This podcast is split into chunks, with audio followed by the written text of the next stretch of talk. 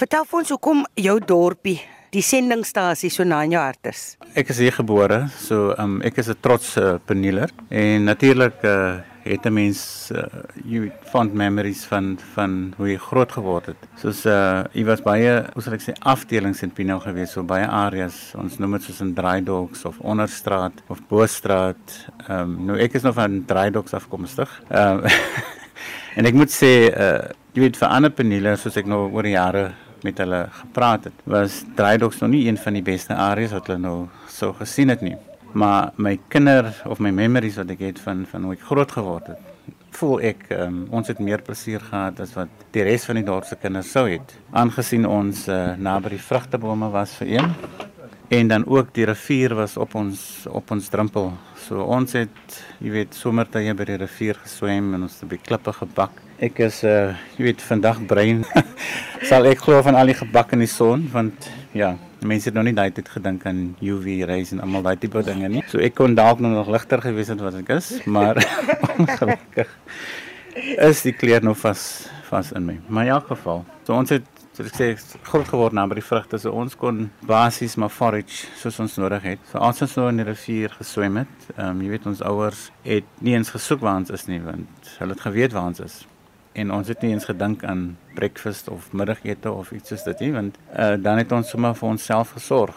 Wat ek jou kan sê is as ons as 'n groepie geswem het by die rivier en ons raak honger, dan stuur ons man man nou uit, ehm um, jy gaan na jou ma se huis, so jy gaan hulle aartappel, jy gaan hulle eif, jy bring curry, jy bring sout. Dan het ons sommer daar op die wal van die rivier 'n uh, potjie kos aan mekaar geslaan en sommer nou jy weet takkies gepluk en uh, chopsticks gemaak daarvan en hom sommer op 'n op 'n lelieblaar uh die curry geskep en dis hoe ons geëet het. Ooh. dis wonderlike jare Quentin. Ek wil jou iets vra. Almal hier praat van silwermyn. Weet jy iets van silwermyn? Dit fascineer my man. Wat is silwermyn? Weet jy ja, ek is nie die ekspert regtig nie, maar baie mense sal nou dink maar Quentin weet meer. Ehm um, as 'n kind het ons groot geword, so dis een van ons plesiertye gewees om silwermyn toe te gaan, so veral vakansietye ook dan is ons groot groepe kinders. Ehm um, dan het ons nog gekom by die tonnels en ons het nou ons name uitgekrap teen die berg en daar was 'n brandpad gemaak ook in die 80er jare waar ehm um, hoe sal ek sê kristal kwartskristalle basies gelê het op die op die op die pad. En ons het basically kwartskristalle versamel en dan sommer die die berg verken. En daar is eet eetgoedjies um, soos eentjies wat ons genoem het en arovas en dan is daar ook mushrooms wat ons gepluk het 'n um, ehm, sekere tyd van die jaar. Maar die silvermyn self het ons besoek net as 'n plesiertyd. En soos ek gesê het, ons het ons name uitgekrap. En ek het niks geweet totdat ek um, aan die einde van die dag in my groot jare vir die Pineal Bestuursraad begin werk het. En toerisme was 'n taak wat opgelê was aan my toerismeontwikkeling en ek moes toe brosjures begin skryf of sekere sal ek sê mense wat nou navorsingswerk gedoen het moes jy 'n soort van inligting kan verskaf. Daar was 'n persoon met die naam van Dr Gavin Lucas. Hy was eintlik van Cambridge Universiteit en hy wou um, die material culture in die Dwarsrivier basies ondersoek want die destydse um, Heritage Council was besig met uh, navors of 'n heritage plan vir die Dwarsrivier Vallei. Gavin het gewerk saam met uh, Sarah Winter op die Slave Lodge in, in Kaapstad. En ek het saam met haar gewerk aan die heritage plan van die Dwarsrivier Vallei en sy het vir Gavin vertel van haar werk. Dit is toe wat Gavin toe gevra het of hom of Pineal se museum destyds genader het uh, om in Pineal navorsingswerk te kan doen. Maar soos ek gesê het, ek het niks geweet van die silwermyn self nie, behalwe dat daar nou tonnels was. En deur Dr Gavin Lucas se navorsingswerk het ons basies die storie van die silwermyn begin ontbloot en daar is verskriklik baie in die Kaapse argief weet oor die silwermyn. En so ek het geleer die silwermyn was eintlik ehm um, die tweede uh, myn wat begin was om na silwer te soek of minerale in in in die Kaapse berge en byvoorbeeld. Daar is 'n hele paar mense wat betrokke was soos uh Hendrik Swellengrebel ehm um, van Rede tot Oudtshoorn wat die gouverneur was na Hendrik Swellengrebel. Ehm um, van Dissen wat uh, sal ek sê die hoofsweep was van die Desice uh, Dutch East India Company die VOC en dan ook baie prominente figure behoore in die vallei um, wat invested in die silwermyn. En dan het ek ook geleer dat die silwermyn was fisies uh, gemyn deur 18 slawe Ehm um, daar is name genoem in die artikels, maar jy sal natuurlik nou nie die die familie nasitte van hierdie spesifieke slawe kan kan navolg nie. Maar ehm um, dit is iets wat my na in die hart is eintlik, want Pinel was as as 'n sendingstasie begin net na die vrystelling van die slawe en die silwermyn is op die drempel van Pinel en dit was ook uh gedelf deur slawe. So dit is eintlik 'n national monument sal ek sê, die mm. silwermyn. En aangesien daar ook uh soldate van die van die Dutch East India Company op site was en Martin Melk is ook 'n naam wat genoem word in die argief en natuurlik die Dutch East India Company. Ehm um, die figure. So dit maak vir my eintlik 'n uh, national heritage site wat al ons uh bevolkingsgroepe insluit in die land in. So mm. daar's ietsie van alles sekerlik op hierdie silwermyn. Okay, jy het nou vertel oor jou grootword. Ek wil baie graag hê jy moet vir my iets vertel oor jou pa. Dit was vir my interessant dat jy sê dat hy 'n seeman was. Ja, so in my kinderjare, ehm um, my pa was 'n seeman gewees. So van wat ek nog kan onthou, het ek basies net 'n week per maand vir hom gesien en dit was wanneer hy aan land gekom het. So ja, so ek het goeie memories van hom. Hy was 'n verskriklik sterk man, sal ek sê. Bietjie loud, maar Maar ja, dit sekerlik maar die die die die see wat jou jou hart maak. Want ek weet ek self sou nie jy weet vir 'n maand of 'n week op see kan survive nie. Dit kos eintlik hard om weet daai tipe werk te kan doen.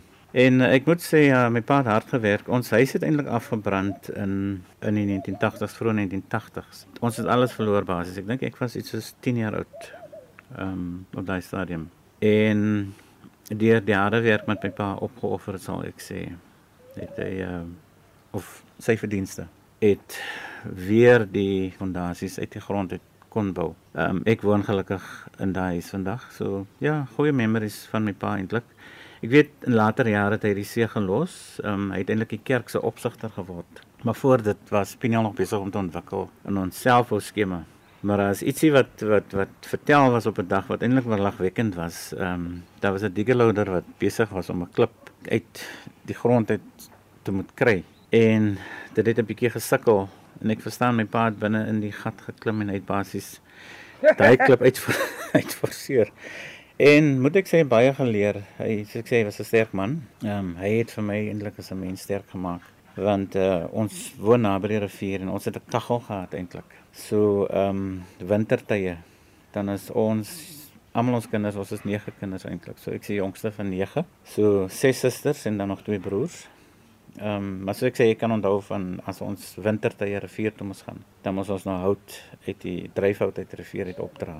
En ongelukkig as 'n jongste seun, my ouer broers was nog nie regtig aan huis daai tyd, jy weet, maar ehm um, ek as 'n jongste moes toe maar nou help saam met my susters om die hout uit die rivier uit op te dra vir die kaggel.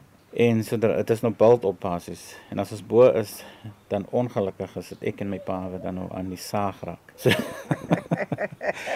So, so ja, dis moet ek sê het my sterk gemaak want ehm uh, hout gedra, hout gesaag en ek het 'n liefde gehad vir die natuur. Maar ek moet sê my opbrengs in die area wat ek in groot geword het. Ja, so dit het my baie gehelp in my latere jare in veral die tipe werk wat ek wat ek begin doen het. So ek het betrokke geraak by heritage en um heritage research and genealogy. So spinels mense is ons op 'n naam maar en uh Jy weet as ek net terugblik na na hoe ons ook groot geword het in die rivier, behalwe die kos wat ons gemaak het, was daar herfstye een van die lekkerste tye. Jy weet ons het gespeel met ander kinders in ons area, soos in games soos môre gaan my suster trou, ons ja. het kennetjie gespeel, ons het skalolo gespeel, maar 'n fond memory eintlik kan ek sê is uh die herfsblare. So dis baie akkerbome in die area wat ek groot geword het. En as daai blare geval het, dan het ons basies hoope hoope blare op mekaar gesit. En ek kan eintlik terugblik en dink van die hope was omtrent tussen 2 meter